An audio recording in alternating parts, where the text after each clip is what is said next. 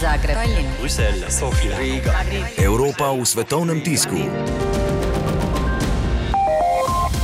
Vročinski val po Evropi je zajel tudi časnike po svetu, ki se posvečajo rekordnim temperaturam, klimatskim trendom in nasploh politiki bojevanja proti naraščajočim klimatskim spremembam. The New York Times piše o tem, da je Pariz včeraj dosegel absolutni rekord 42,6 stopinje Celzija, s čimer je bilo gibanje po mestu praktično nemogočeno.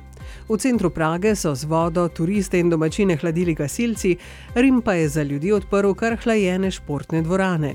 Tudi v Veliki Britaniji je bil to rekordno topel dan. V Cambridgeu je bil postavljen rekord z 38,1 stopinjami. Frankfurter Allgemeine Zeitung piše o tem, da je tudi v več kot 25 mestih po Nemčiji včeraj padel temperaturni rekord. Povsod so temperature presegle uradno izmerjenih 40 stopinj Celzija. Mesto Lingen je doseglo celo splošen rekord 42,6 stopinje Celzija, s čimer so uradno za dve stopinji presegli prejšnji rekord iz leta 2015. Zdaj so vedno bolj glasne tudi politične pobude o čimprejšnjih reakcijah zaradi povzročene škode okolju. Obenem pa so se oglasila tudi združenja delojemalcev, ki zahtevajo, da se sprejmejo omejitve za delo v vročini. Guardian pa se posveča Brexitu in dejstvu, da je Jean-Claude Juncker ponovno zagotovil, da izstopnega sporazuma z Veliko Britanijo ne bodo spreminjali.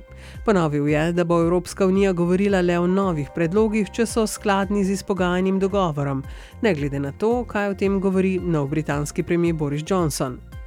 Španski El Pais pa se ukvarja z novim sporazumom med Evropsko unijo in Kanado, ki so ga sklenili včeraj. Gre za alternativo mehanizmu Svetovne trgovinske organizacije, ki ima veliko težav zaradi blokade Združenih držav Amerike, zaradi česar bi lahko star sporazum propadel in v tem primeru bo veljavi ta nov alternativni trgovinski sporazum.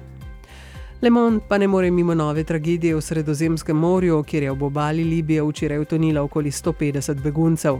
Natančno število umrlih ljudi sploh ni znano, a zaradi politike držav članic Evropske unije, ki se izogibajo prevzemu beguncev in ne podpirajo reševalnih operacij, bo to v prihodnjih dneh najverjetneje še naraslo.